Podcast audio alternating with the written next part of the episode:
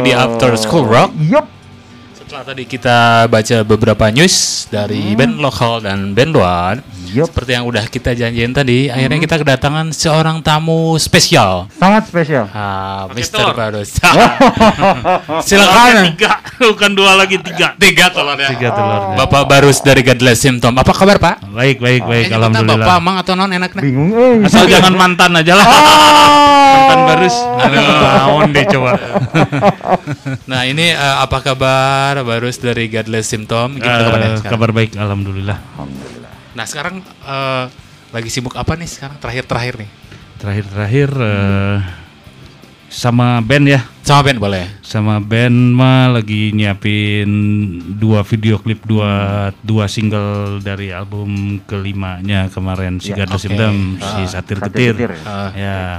Terus project suka-sukanya mah masih sedikit banyak berkontribusi buat klub racun Rumah Pirata. Ah. Mm-mm, terus eh, dan akhirnya satu bulan ke- terakhir kali ya tercetus eh, Kompilasi mau hardcore bikin itu ya. Bandung Hardcore Compilation Oke. gitu. Ternyata banyak dia ya. Maksudnya Enggak juga sih. ya benar cukup apa? Iya, Disibuk-sibuk lah. disibuk-sibukkan.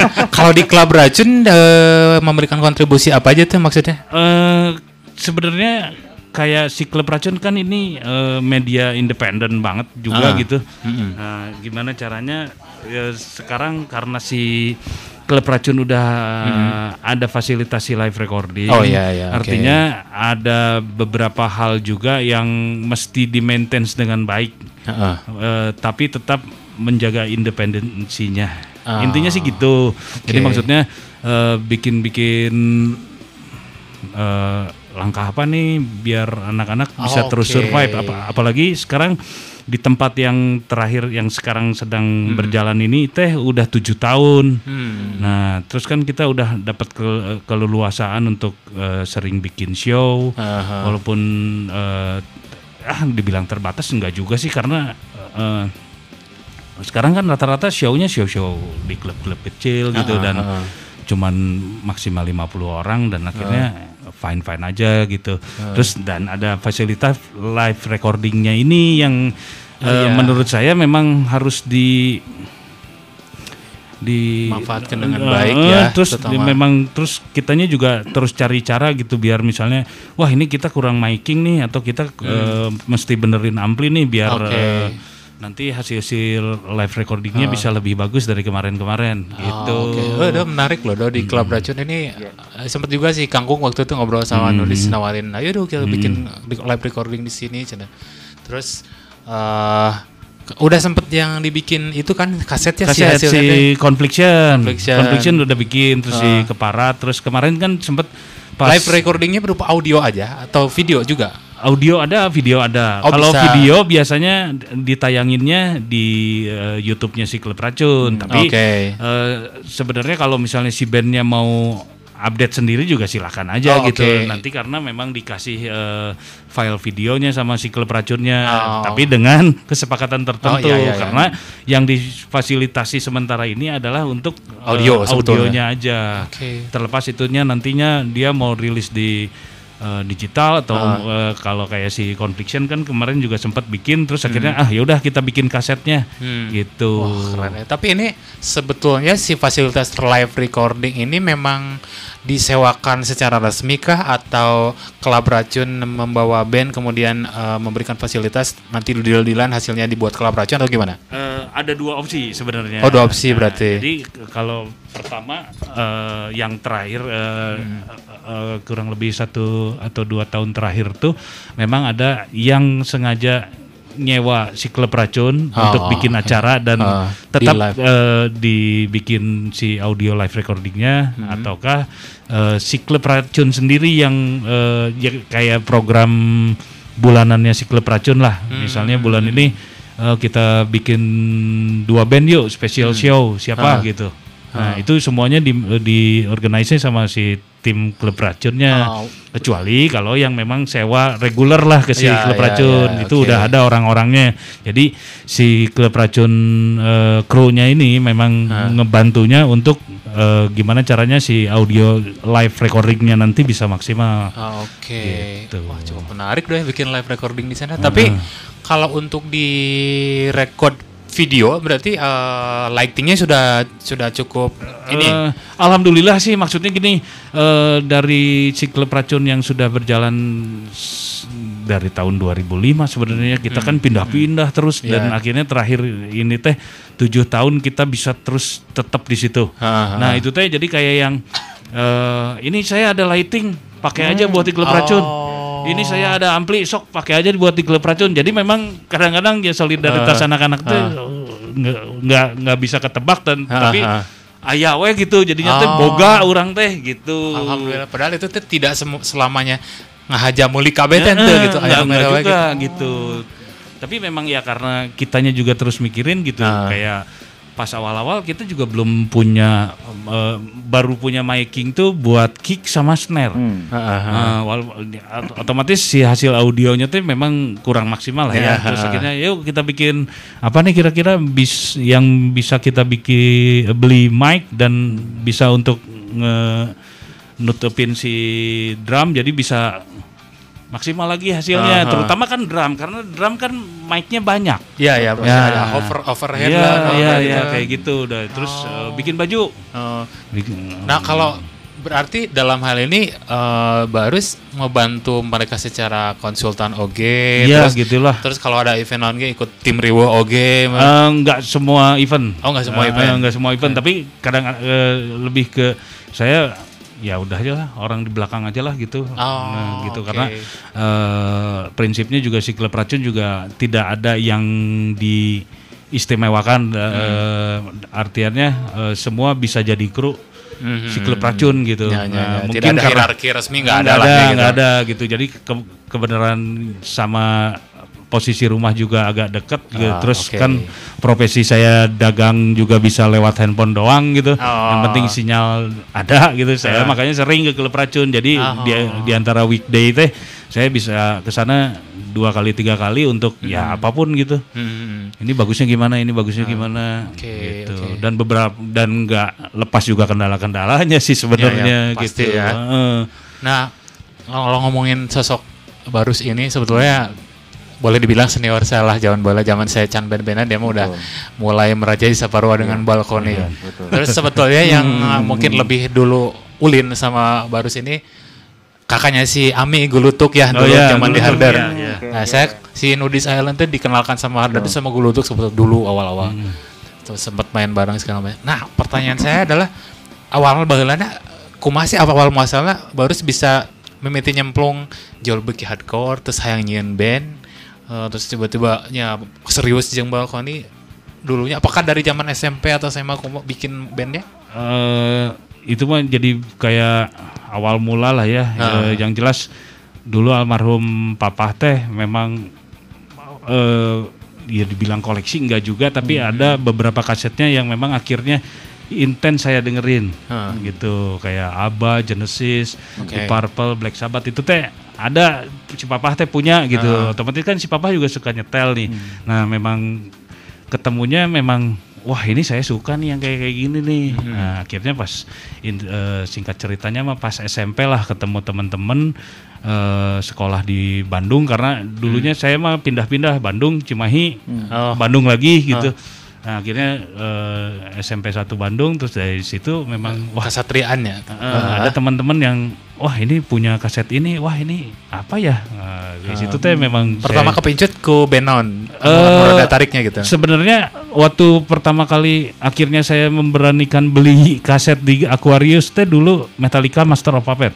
Oh, oke. ya Nah, dari terus? situ, wah anjing ini covernya keren nih. Ah, udahlah saya beli. Terus almarhum kakak saya beli juga. Yang dibelinya itu Guns N' Roses Appetite for Oh, Destruction. Bagi lama rada iya nya. Eh. Metallica jeung Guns N' Roses rada Iya, bertolak belakang. Ada bertolak belakang memang, tapi konsumen Indonesia, eh, maksudnya anak mudanya dulu saat itu memang begitu. Iya, iya. Jadi Dua- dua lini itu terbesar teh, Hard ya. rock sama thrash metal. Ah. Eh, jadi walaupun akhirnya mah saya mah dua-duanya didengerin gitu. Ah. Dan karena ada basic saya dari almarhum si papa gitu Ah. maksudnya suka ngedengerin ini itu gitu yang di wariskan gitu. Ah. Nah, akhirnya dari situ Terus wah, yang ini- membuat jadi beki Torel atau agak spesifik ke hardcore mulai dari kapan tuh? nah eh, atau yang band-band underground lainnya gitu?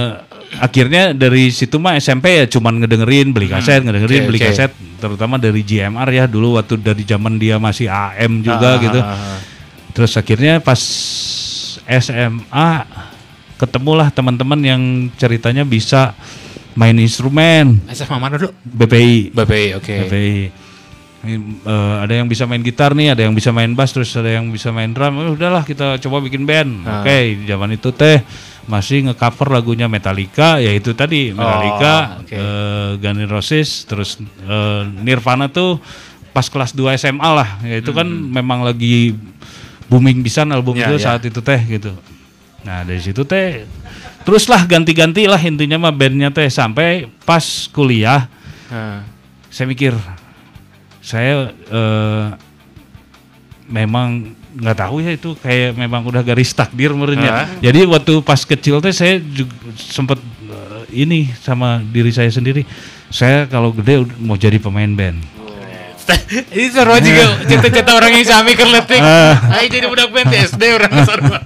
Terus terus ya kayak gitulah. Terus akhirnya pas dari kuliah teh saya ketemu om saya yang usianya lebih muda dari saya. Ah, Om tapi lebih muda. Eh, om le- tapi lebih muda gitu. Oke, oke. Eh, terus eh, dia eh, memang eh, interestnya sama gitu kayak ngedengerin musik-musik ya kenceng juga gitu. Terus Ah.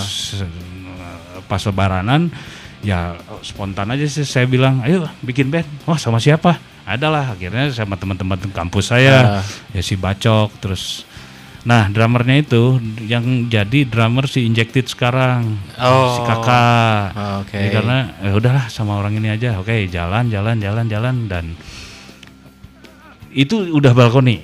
Oh, udah balkoni. Udah balkoni. Oke. Jadi 94 Oktober gitu kita bikin Oh, balkoni. Balkoni formasi awal teh itu. Formasi awal. Berarti belum ada Pebi, belum, belum ada, belum ada. Almarhum belum. belum. Oke, oke terus. Ya, dari situ ya jalan aja gitu maksudnya eh terus saya kan sering nonton Udah mulai bikin lagu-lagu sendiri udah berarti. udah karena eh saya nge-cover band itu cuman buat acuan aja gitu Hmm. Eh, saya nanti mau bikin bandnya mau kayak gini nih Ah. nggak nggak kebayang juga bahwa ini tuh jadi tim hardcore gitu teh Oh, emang dulu Sebenarnya- acuannya apa Pak buat balkoni sendiri dengerinnya? Eh, awal-awal kita malah nge-cover Fate No More oh. iya. Ada jauhnya. Oke, Nah, terus terus kemudian dari situ kan album Psikofitol pertama yang dirilis di Indonesia, Ah. Spread the Surface. Ah, oke. Itu teh memang akhirnya teh yang bikin eh apa ya kayak ada satu perbedaan aja gitu. Hmm. Wah, anjir ini apa ini?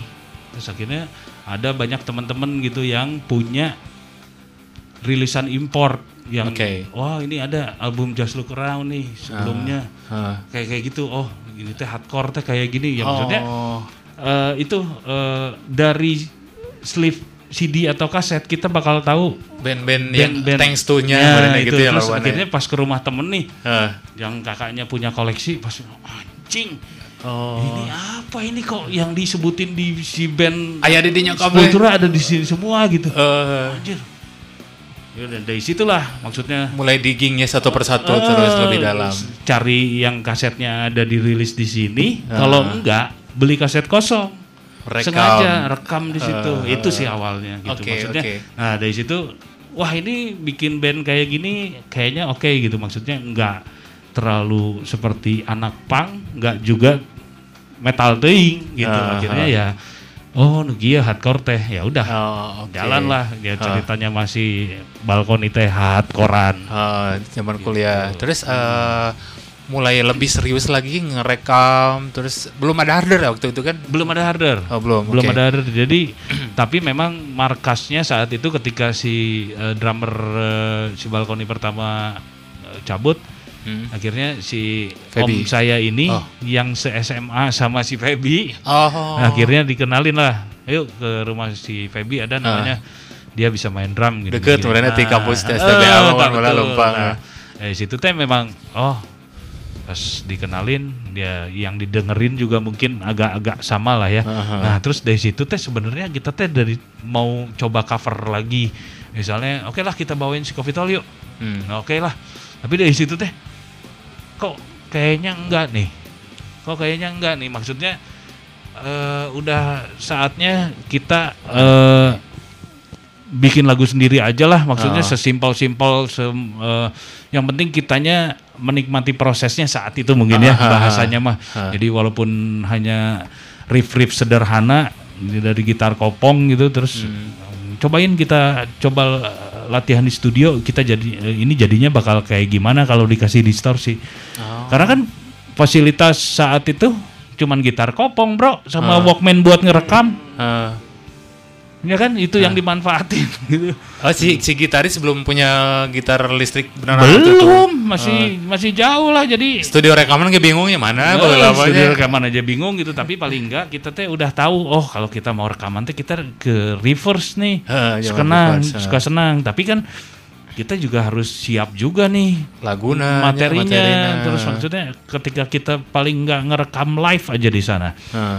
kita harus nggak meminimalisir kesalahan karena kan Ah, one iya. take Oke, Iya kan? Oh, iya, jam bola one take ya. iya one take Oh. terus ngeri. dan hasil si live recording di sananya di si reverse nya teh enakan Heeh. makanya ah dari situ kita pernah bikin em, 8 lagu gitu terus kita rekam di situ live recording bener Live one take recording, bener. one take bener Oh. gitu Terus dirilis jadi sesuatu. enggak itu? Oh, Eh, enggak. itu, eh, sempat dirilis cuman 10 kaset itu pun Oh. saya iseng aja gitu Heeh. ya da zaman itu teh eh, dapat temen yang di rumahnya punya player kaset yang double deck itu Heeh. itu teh udah seneng gitu Iya, iya. apalagi yang ada sama CD-nya gitu tapi kan ibaratnya ketika si hasil live recording ini jadinya kaset otomatis kita memperbanyaknya kaset juga Ya, benar, nah benar, saat ya. itu teh ah udahlah beli 10 biji saya teh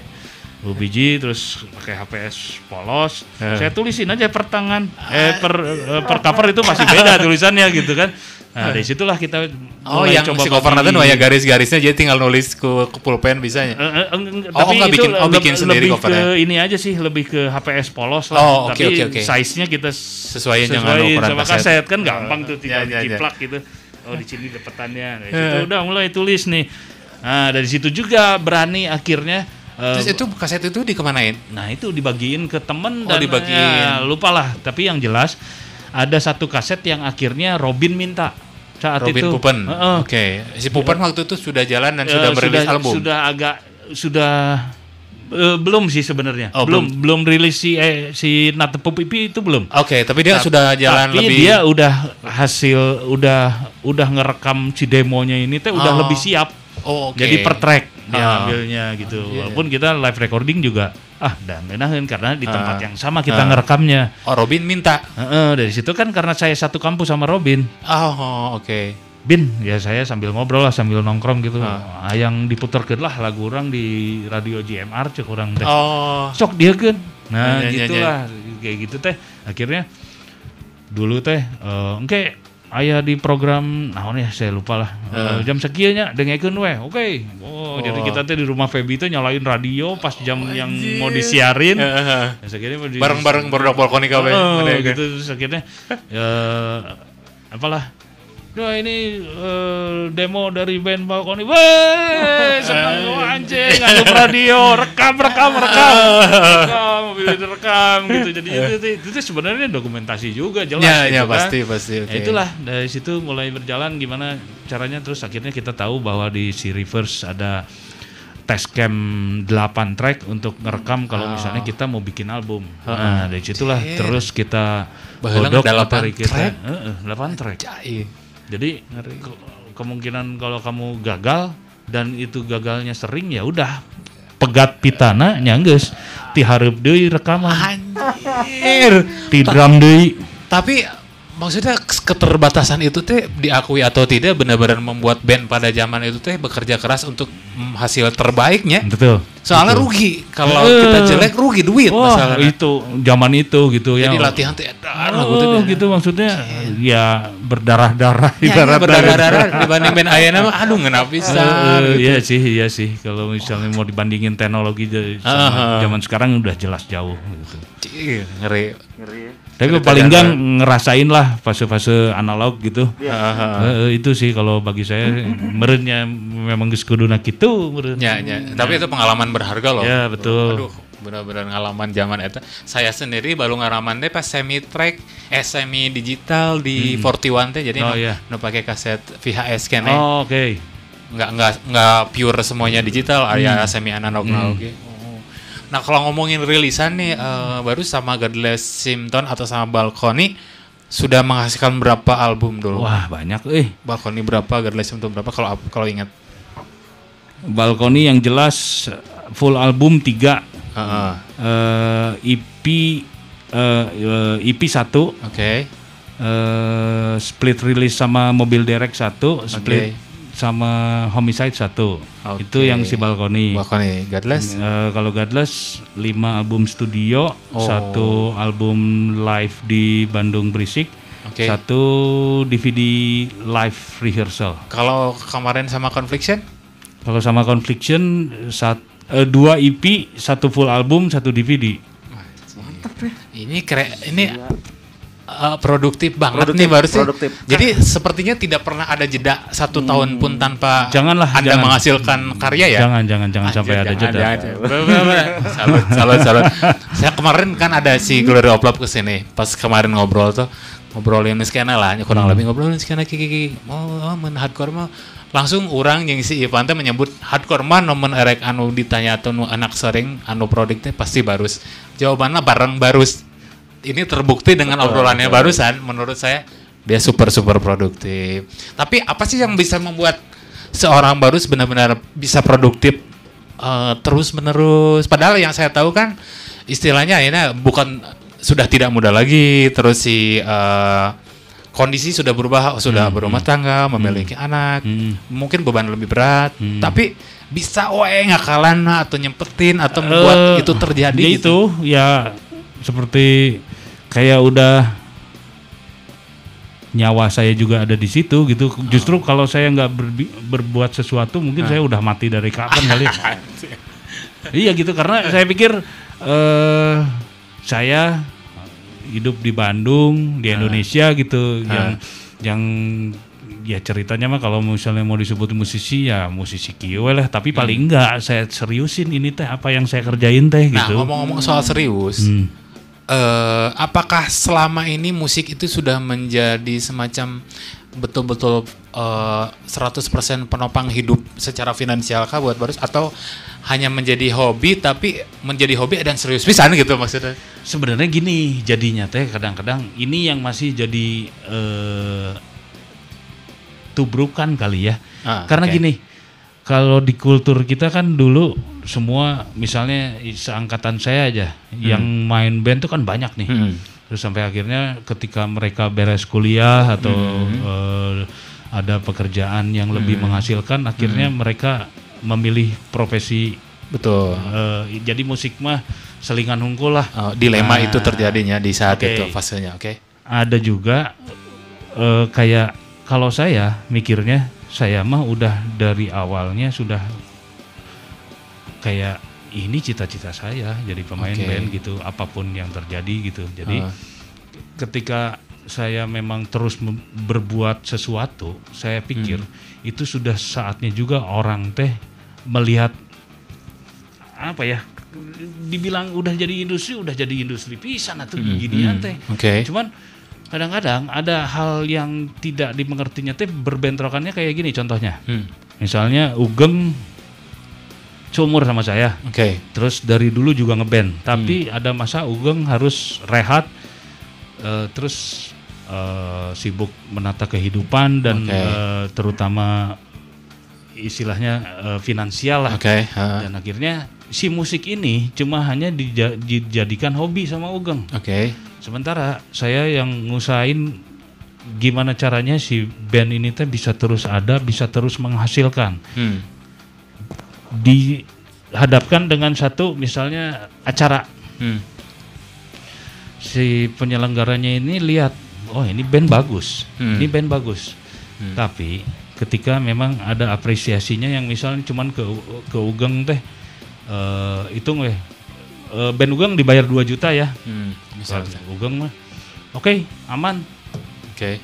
nawarin juga ibaratnya dengan harga yang sama ke band saya Nah, saya bilang saya nggak bisa Oke.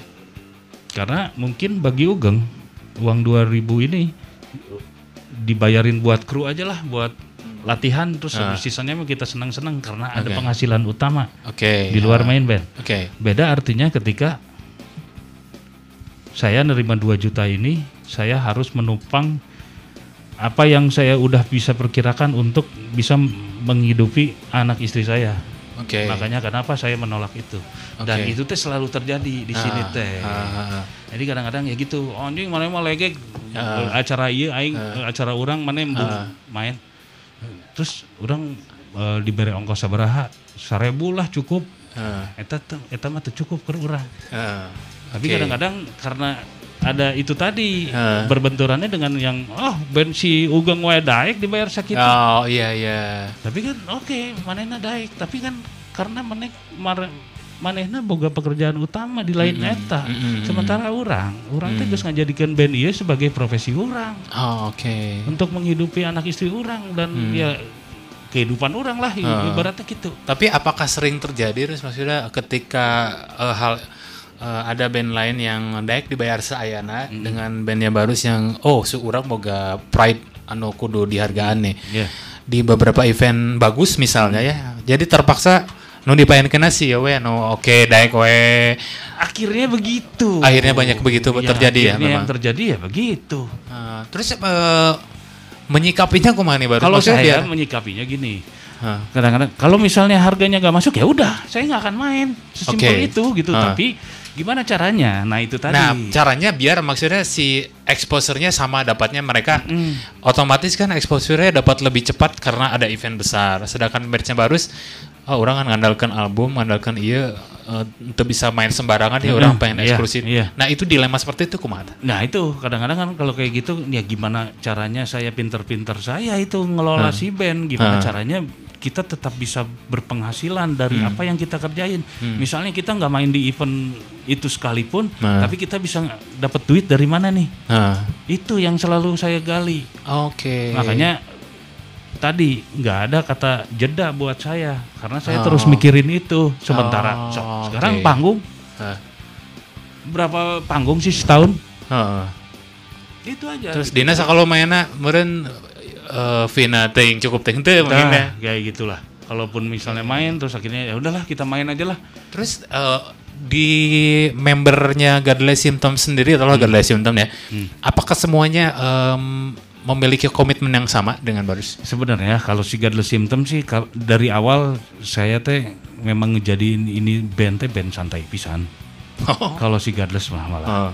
Kalau si Balkoni yang beda yang ngebedainnya dulu ya itu bentrokan-bentrokan itu tuh sering terjadi. Oh, oke. Terus sementara "Ah, ini tuh bisa lah orang kudu gawe. Ya, Ah. terus emang iya ngeband gawe. Oh, Iya kan? Sementara mana ibaratnya gitu ya. Heeh. Maneh yang dibayar sarua. Nah, Tapi totalitas maneh nepi Oh. sarua teh jeung eta. benar benar. Nu kudu dibayarkeun. Heeh. Itu ibaratnya. Nah, kalau si Godless kan empat dari limanya ini adalah pegawai yang tiap bulan udah pasti dibayar. Oke. Nah, tapi untuk nyiasatinnya ya gitu tadi. Saya udah punya standar untuk manggung. Hmm. Gini gini gini gini gini ibaratnya gitu. Hmm. Member yang lain mah oke, gimana barus aja. Oh. Karena ya mungkin alhamdulillah apa yang saya terapin ke teman-teman teh Aha. bisa berjalan gitu. Oke. Jadi ya udah tempatinnya seperti itu aja. Oh. Santainya gitu, cuman tetap ada hal-hal serius yang tetap kita bikin karena Hmm. bagi saya pribadi Hmm. ini udah jadi profesi hi- hidup saya. Hmm. Nah, itu aja kan kayak berilis eh eh, si Godless tadi berapa album? Lima studio album 5 studio album. Kalau kita pikir pakai eh maksudnya pakai logika aja untuk membuat sebuah album saja. habis biaya- berapa? Nah, biaya recording, mastering segala macam itu udah habis berapa? Terus kadang-kadang mungkin saya secara awam juga mikirnya kalau itu dijual pun nutup tuh sih kadang mikir gitu kan. Iya, iya. Nah caranya biar eh, anak-anak personil lain hayula gitu atau atau atau memang eh, orang mah teu nyar- teu apal gitu apakah ternyata itu teh di, di balik album itu teh ternyata banyak income yang bisa ternyata menutupi Eh, kah? jadi luckily dari si Godless Recording dari saya ngemodal sendiri Hmm. eh, tiap albumnya teh ada proses di mana saya dapat link yang memudahkan kita eh, merekam album menjadi master teh tidak perlu banyak keluar dana Eh, misalnya dengan bekerja sama dengan label. Betul. Begitu. Oh, Oke. apa pun mau kita kerja sama sama label Hmm. mau kita kerja sama sama si studio recordingnya Oh, oh, itu pernah juga terjadi kerja itu teh selalu terjadi Mak kerjasamanya bentuknya kumaha maksudnya Ah, studio yang- recording? yang, yang nggak tahu ya kalau selama ini kayak misalnya album 3, album 4, album 5-nya si Godless Hmm. itu teh kita semua live di eh re- Recording. rekam di Red Studio Oke. dengan dealing yang sangat enak sampai jadi master.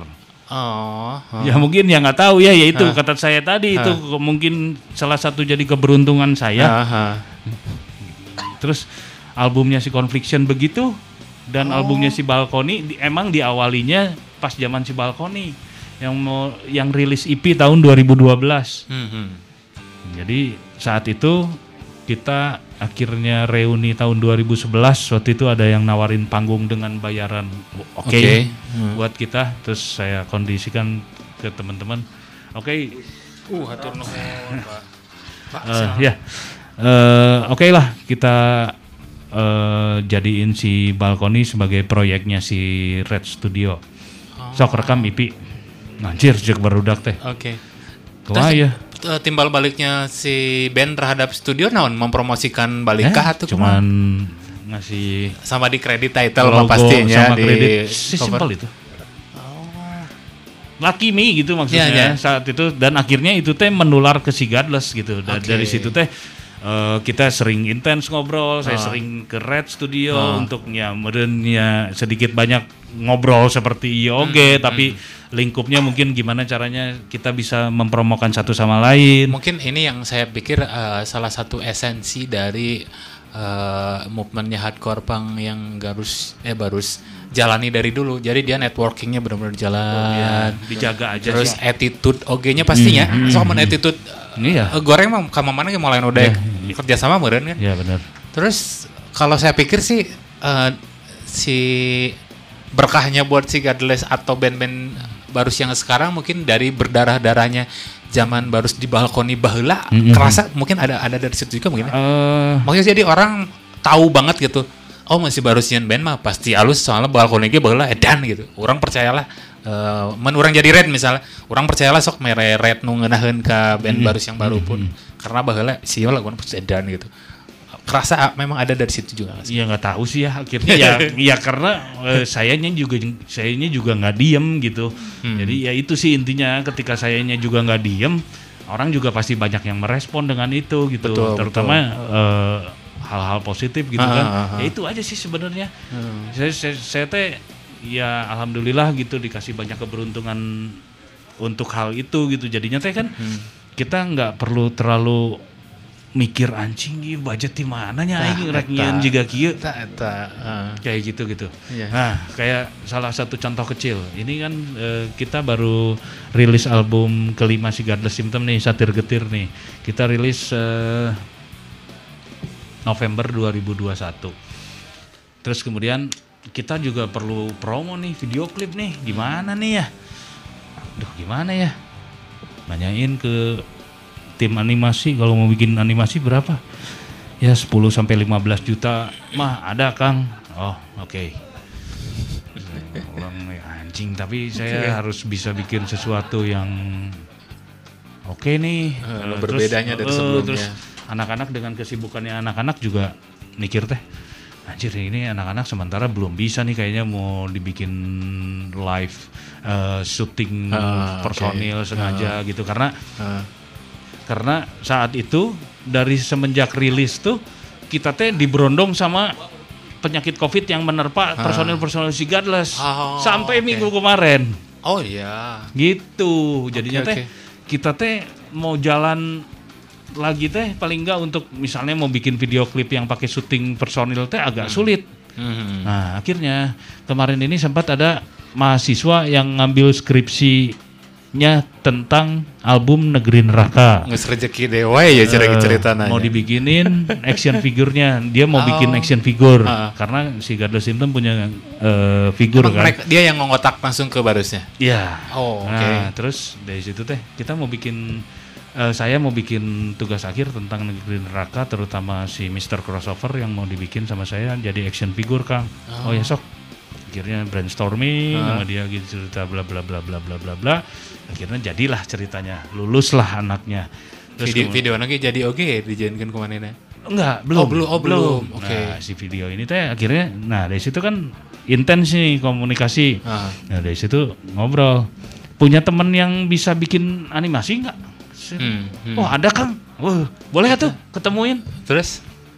Ya akhirnya satu waktu ketemu lah. Udah ketemu. Gimana Kang?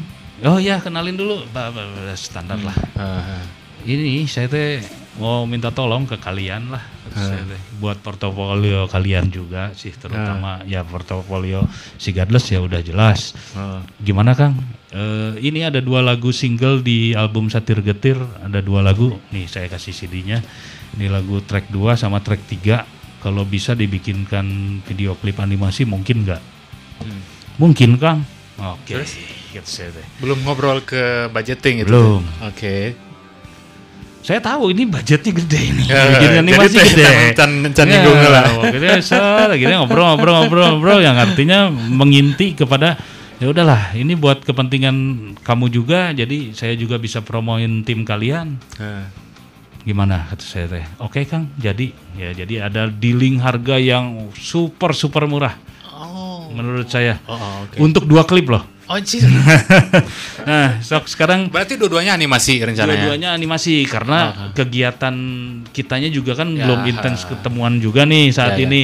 Tapi nanti mungkin eh, kita sekarang lagi beresin klip animasi yang satu dulu. Hmm. Nah setelah itu memang sudah ada diagendakan sama saya bahwa kalau mungkin Hmm. si untuk video klip animasi yang kedua ada personil yang syuting. Oke Oke. Kang, bisa Kang. Akhirnya ya udah nanti setelah yang satu ini beres dan tayang, Hmm. mereka kan udah naik ke produksi yang ke klip kedua nih. Hmm. Kita juga syuting untuk Oke. nanti dicombine sama si animasi ini. Oh. Serejeki dewa. Ya gitu, ya saya pikir itu teh harus dikerjain gitu. Aha. Nah, yang saya bayangin secara bisnis gini, akhirnya nyambung sama ini pundi-pundi dapat dari mana sih? Hmm. Nah, misalnya satu klip ini udah jadi nih, saya coba tawarin nih ke brand atau ke records, Ah, Oke. mau nggak ngebiayain video klip ini 10 juta misalnya? Ah, Oke. Dia tahu produksian ini 15 juta. Heeh, sakit dua. mah dianggapnya murah. Nah, maksudnya banyak. berarti 10 juta, wah masuk nih. Oke Kang, Oh. income buat band. Ah, oke oke. Anjir diulik terus ya Iya, jika karena Emang harus gitu. ya orang dia banyak. Karena harus gitu. Kalau orang cicing di gitu. Amerika nu gajinya gede karena karena awal. ya itu, ya itu tadi gitu ya makanya saya mah dah saya pemain band dan Ya. saya pedagang gitu pebisnis gitu dan apa pun ya saya pikir apa pun yang kita bisa jadikan bisnis walau walaupun itu bisnis teman sekalipun ini harus jalan dan harus profesional Betul betul betul.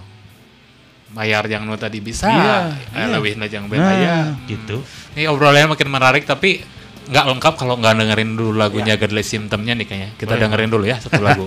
yang judulnya apa? Lancang Menerang. Lancang Lancang. menerang. Oke. Oke. Oke oke. Nah masih di After School Rock nih, masih ngobrol dengan Barus dari Godless Symptom. Wah barusan banyak sekali, banyak sekali. Menurut saya itu bukan cerita ya, kayak ilmu buat Ilmu, ilmu. buat kita kita Makanya banyak saya banget. tadi me- apa sih menyimak dan tidak mau menginterupsi karena anjir jauh, jauh jero, jero Keenakan pisan. nyimaknya. Terlalu dalam ini dan karena saya penggali sumur. Ah, itu dia. Terlalu itu jorok. dia. Nah, boleh boleh dilanjut lagi, Pak. Kita ngobrol ya atau enggak sebentar. Oke. Nah, ini dari band-band yang pernah baru bikin selama ini pasti eh, yang tahu banget bedanya sih baru sendiri ya dari mulai balkoni terus eh, Godless Symptom sampai ke Confliction bedanya apa aja sih menurut Baris? Kalau menurut saya dari balkoni ke Godless Symptom pun sudah sangat berbeda terutama dari menurut nih Alina teh si lagu balkon itu lebih marah lebih lebih mengungkapkan marah nanti lebih edan gitu termasuk dari vokal oke mungkin lebih entah pakai efek atau lebih serak dibandingkan dalam simptom termasuk dari beat-beatnya riff-riff gitarnya. Eh, kalau menurut baru sendiri sebagai eh, songwriternya sendiri kuma? Nggak tahu kalau yang jelas dulu mau apa pun band yang saya bikin gitu ya balkoni godless symptom atau confliction terakhir. Hmm. saya selalu eh, ikut campur urusan musik mah gitu Hmm. jadi walaupun saya nggak terlalu paham sama instrumen musik ya bisa lah gitar mah setik-setik Eh, tapi paling enggak eh itu yang diarahin akhirnya sama saya biar dan biar harapannya ada tiga pembeda dari band yang saya bikin teh gitu. Itu aja sih. Misalnya saya ini confliction bagusnya digimanain ya? nggak mungkin juga saya bikin beat-beat groove lagi seperti si Godless Symptom. Oh, oke Terus akhirnya dari situ teh misalnya, oh ini kita eh, kita bikin cepat aja lah, misalnya eh, beatnya beat punk tapi riffnya riff metal atau hardcore gitu. Hmm. Oh ya sudah coba bikin kayak gini. Saya konsultasi sama Feby yang yang gitarisnya juga sampai sekarang. Eh, Terus sama dia dipindahin nih apa yang saya mau teh. Terus akhirnya se- saya liatin, oh itu nggak gitu, itu harusnya pindahnya gini. Oh coba, nah ini benar pindahnya. Oh, kayak gitu. oke, Saya ikut ikutan tuh masalah gitu. Karena setelah itu eh, si kalau proses yang zaman sekarang ya Nah, eh, lagu udah beres nih, terus dilempar nih ke Rifki kalau dulu waktu Confliction. Ah. Kalau sekarang ke si Godless Symptom ke Mbi, Eh, terutama ke Diki sih gitarisnya. Ah. Jadi saya du- duaan dulu nih sama Diki. hmm. Dia lain. Wah iya geus alus ya, tapi part iya juga dirubah. Oke. Kayak gitulah prosesnya. Terus akhirnya dari situ digambar, akhirnya dilempar lagi ke teman-teman, akhirnya oh oke nih, oke. Nah, dari situ udah ngapalin masing-masing. Apalagi kemarin eh, pas awal-awal pandemi ya. Ya maksudnya ya itu tadi saya harus tetap jalan gini. Maksudnya gimana pun caranya. Hmm. Saya harus tetap jalan ya. Akhirnya dengan manfaatin WhatsApp grup bla bla bla bla bla bla Hmm. itu jadi terus akhirnya udah jadi nih dengan drum yang digambar oleh Mbi dari Diki atau gitaris yang satu lagi di share ke saya nah saya juga langsung bikin lirik dan saya langsung bikin demo dari musik yang udah teman-teman bikin Oke. nah, dari situ oh acan ya juga na pas vokal kayak gini ya oke sampai fix 100% walaupun komunikasinya memang cuman lewat handphone Hah. itu harus jadi Oke. Nah, ya, harus jadi itu karena ah udahlah aman lah pokoknya proses jarak jauh pun kita bisa masih tetap tetap aktif bikin materi. Ya udah terus jalan. Itu aja sih. Eh, kalau boleh tahu nih eh, di di di skena taruhlah di skena hardcore punk ini baru sudah uh sudah berpuluh-puluh tahun. Sebetulnya eh, esensi si hardcore-nya sendiri buat seorang barus itu apa sih sebenarnya? kalau akhirnya mah dulu ya kalau dulu awal-awal kan lihat hardcore ini sebagai satu genre musik gitu ya. Hmm. Udah udah pastilah itu mah Oke. nggak mungkin tidak gitu. Ya. Terus akhirnya seiring waktu gitu maksudnya teh kita teh survival on the street teh bener gitu. Da- menurut saya eh, cara kita survive itu teh hardcore gitu. Nah, sampai akhirnya kita punya definisi sendiri tentang hardcore adalah eh, way of survive lah, how to survive. Ya maksudnya ya seperti yang anak-anak pang juga suarakan mungkin tapi ini ya secara hardcore teh kayak gini gitu. Ya kita juga sama lah kurang lebihnya mah jalannya mah. Tapi bagi orang Heeh. iya hardcore. Mun maneh eta nyebutna how to survive maneh eta? Pangnya eta. Pang Oke. cek maneh. Heeh. gitu aja sih akhirnya mah begitu. Walaupun nggak memungkiri juga bahwa ada evolusi musik yang terjadi di hardcore Ya, iya kan? Ya. itulah maksudnya akhirnya dengan kondisi kita yang hardcore udah jadi sebagai way of life terus akhirnya kita harus tetap bisa menyuarakan itu lewat musik Hmm. ya itulah. Jadinya ada definisi-definisi hardcore yang berkembang sampai hari ini. Oke, oke. Sebenarnya banyak banget doh ya yang pengen kita tanyain lagi tapi aduh lebar. Mungkin durasi kita tidak mencukupi jadi eh, oke lah. Misalnya nih buat teman-teman di luar sana yang baru memulai band atau yang eh, udah punya band tapi tanya kudu kumaha? Ada sedikit eh, tips-tips atau bingung. sepatah dua patah kata yang band-band anyar no? Anu biar mereka lebih eksis lah bandnya lebih maju kumaha ya intinya mah apalagi yang baru mau punya band gitu ya kalau bagi saya ya ya jalanan weh eta jeung baturan maneh gitu maksudnya temukan pola-pola yang menarik dari apa yang kalian miliki sebagai personil untuk mengemasnya jadinya nanti mau jadi band Ah. mau band apa pun itu gitu selama kalian akhirnya sepakat untuk menikmati itu Hmm. itu ngalirnya bakal enak Oh, gitu aja sih betul. nah boleh di share ini si sosial medianya si Godless Symptom ini apa aja sekarang? Eh, yang aktif sementara eh, di Instagram aja kali ya. Instagram Instagram, boleh. saya at Godless Symptoms. Udah itu. Si aja. YouTube channel ada? YouTube channel ada eh, Godless Symptoms juga. Godless Symptoms juga. Official, Iya, Oke. itu aja sih. Pokoknya bikin aja lah apa pun gitu karena Nah, eh, kita nggak akan tahu kalau kita nggak nyoba. hmm. Ya maksudnya kayak ya si Godless gitu udah bi- bisa bikin DVD live rehearsal. Itu teh live rehearsal tuh di kita eh, bikin waktu pas proses recording album Negeri Neraka.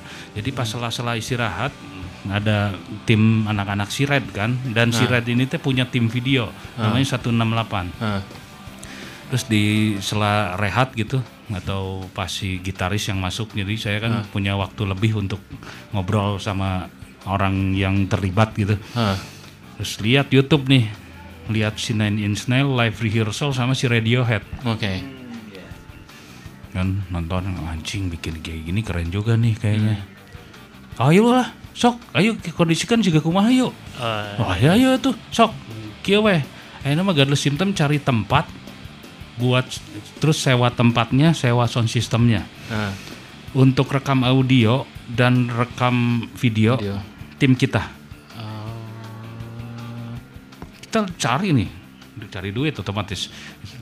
Akhirnya di hotel Pranger itu kan ada kafenya yang namanya Post Wake Ah, kita cari info berapa sewa di sana, terus eh, berapa sewa sound system, terus berapa kru yang terlibat, eh, apa-apa aja yang mesti disewa. Ini itulah pokoknya mah sampai keluar budget nih sekian. hmm. Jadi saya itu tim band yang mencari. Oh, Oke. Karena saya udah tahu porsinya si audio ini untuk merekam dia udah mengeluarkan apa yang mereka bisa maksimalkan untuk membuat proyek ini. Ah, Begitupun juga tim videonya. ah. otomatis dari si bandnya juga harus bisa ngeliatin bahwa kita bisa menyeimbangkan apa yang udah kita pengen dari awal oh bikin kayak gini Hmm. standarnya kan kayak gitu tuh Hmm. Ya udah bikin Tapi si Godless sendiri punya manajemen terpisah atau masih dimanage oleh personil band sendiri? sebenarnya mah kalau mau eh, gini mah maksudnya anak-anak si Godless udah bilang Godless itu mah kumaha abang weh. Orang mah percaya naon nu ku abang ngomongkeun dan nu abang gawean eta pasti menghasilkan sesuatu buat si band ieu. Oh, Orang mikirnya terus akhirnya ah bener ya cek orang teh Ya, pokoknya tapi misalnya kira-kira aya nu bong mendem naon gitu, utarakeun utarakeun. Oke. Heeh, heeh. Ya gitu gitu. Jadi komunikasinya memang mereka udah percaya apa yang eh, bakal saya bikin dan eh, ini bagusnya kayak gimana. Hmm. Yaitu untuk menjaga si band ini tetap bisa ada di price yang right. Oh, price yang right ya, Do. Garis bawah itu price yang right. Price yang right. Price bener-bener. Tapi eta di di Bandung dilema na eta wae. Apa gitu sekarang kalau kita cuma menjual nama nama popularitas di masa lampau tapi Benar. tidak bisa menghasilkan seperti apa yang diharapkan seharusnya profesional. Benar. Sementara aing yang dibayar badag aing band lila nya maneh bisa ngebuktikan tuh bahwa Oke. be- maneh band lila dan maneh bisa ngebuktikan bahwa maneh bisa eh, menjadi sesuatu yang berharga ketika ada orang yang undang band kamu. Oh, oke. Dan ketika itu dilakukan oleh seorang baru dengan gangguan symptom, itu bisa berhasil sebetulnya. Alhamdulillah lah so far so good gitu ya, maksudnya kayak kayak tadi saya udah tekanin juga ke anak-anak Hmm. ketika misalnya kita memang pengen ada memang kita nggak kelihatan manggung ya itu tadi apa pun yang kita bisa kerjakan itu bisa menaikkan level kita ke level yang berikutnya Hmm. belum tentu orang band lain bikin seperti yang kita bikin Oke, oke. cok live rehearsal sekarang Itu contohnya itu di- dijual berarti si Dijual, DVD live rehearsal. dijual kita Oh. bikin DVD Oh, oke. Oh, bagus itu si uh, uh, Sellingnya ya saat itu ya bagus karena kan orang masih eh, pakai fasilitas DVD player, Hmm. belum YouTube, Oh, bahkan oke. belum kita upload ke YouTube kita. Heeh. Itu maksudnya ah udah aja biarin ini jadi rilisan fisik yang orang bisa nyari. Kalaupun nanti didigitalkan ya udah digitalkan aja. Heeh. Mau kita sendiri yang bikin Oh. gitu. oke. Harus ada di level saya saya nggak mau berada di level yang ah udahlah regardless sudah cukup tua untuk tahun depan kita 20 tahun. Oh. Iya kan? Artinya Mau, mau bikin sesuatu kah di Oh, umur jelas, ke-20? oh, jelas. Rencana apa mau bikin apa? wah lu masa dibocorin sekarang. Oke oke. PR saya banyak sebenarnya Ah. buat si bagian Resim dan Ya itu antara mau ngebocor kan atau can, can ke ini satu persatunya apa nih planningnya lo Iya, buat teuing maksudnya juga yang jelas bakal ada yang kita bikin mudah-mudahan bisa lancar. Jadi Amin, paling enggak amin. 2023 pas si Godless Symptom 20 tahun rilisan ini bisa rilis. Amin. Yang amin. jelas bentuknya rilisan. Oke. Mau itu kaset, mau itu CD, mau itu DVD, Hmm. itu yang masih jadi pertanyaan dan eh, apa ya? Godlokin, Hmm. god, digodokin buat kitanya gitu. Kita mau rilis jadi apa ini PR, produk ini? PR nya Eh, PR nasi godless. Oh, terima kasih banyak ini Kang Baru. Nuhun pisan ini sudah Nuhun bisa pisan. berbagi cerita dan berbagi semua ilmunya sama teman-teman di After School Rock. Iya. Sepertinya bakal ada Kayaknya harus berlanjut ya Berlanjut. ke podcast yang terpisah. betul, basket bisa. Betul, betul. Masih banyak yang ingin kita tanyain dan harus diceritakan oleh Barus. Iya. Oke, you mobile people, itu tadi interogasi seru kita barengan Barus dari Godless Symptom di episode ke-8 Apple School Rock. Ah, pokoknya stay tune terus di After School Rock yang bakal terus mengudara setiap hari Selasa Yes. jam 18.00 sampai jam 20.00. Live streaming on musmob.id, follow Instagramnya at musmob underscore ID dan RSLV Media. Thanks to Musmob, Akar Space, Indier Media, Bandung Magazine dan semua pihak yang sudah mensupport kita. Hatur pisan, Bapak Barus. Nuhun pisan. Kami. Oke, tetap jaga kesehatan, terus berkarya. Mr. Ugeng sign out. Mr. Godo sign up. Bye bye, After School Rock. Let's get rock. Musmob Radio, Tukudu Bingung. Bingung.